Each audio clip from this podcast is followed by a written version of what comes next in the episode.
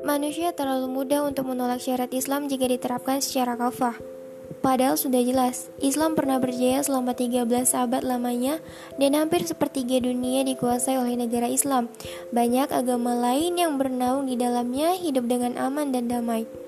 Lalu kenapa saat ini, di zaman ini, di zaman yang jelas-jelas telah menghancurkan Indonesia secara nyata dengan sistem demokrasi kapitalisme malah disembah dan diagung-agungkan?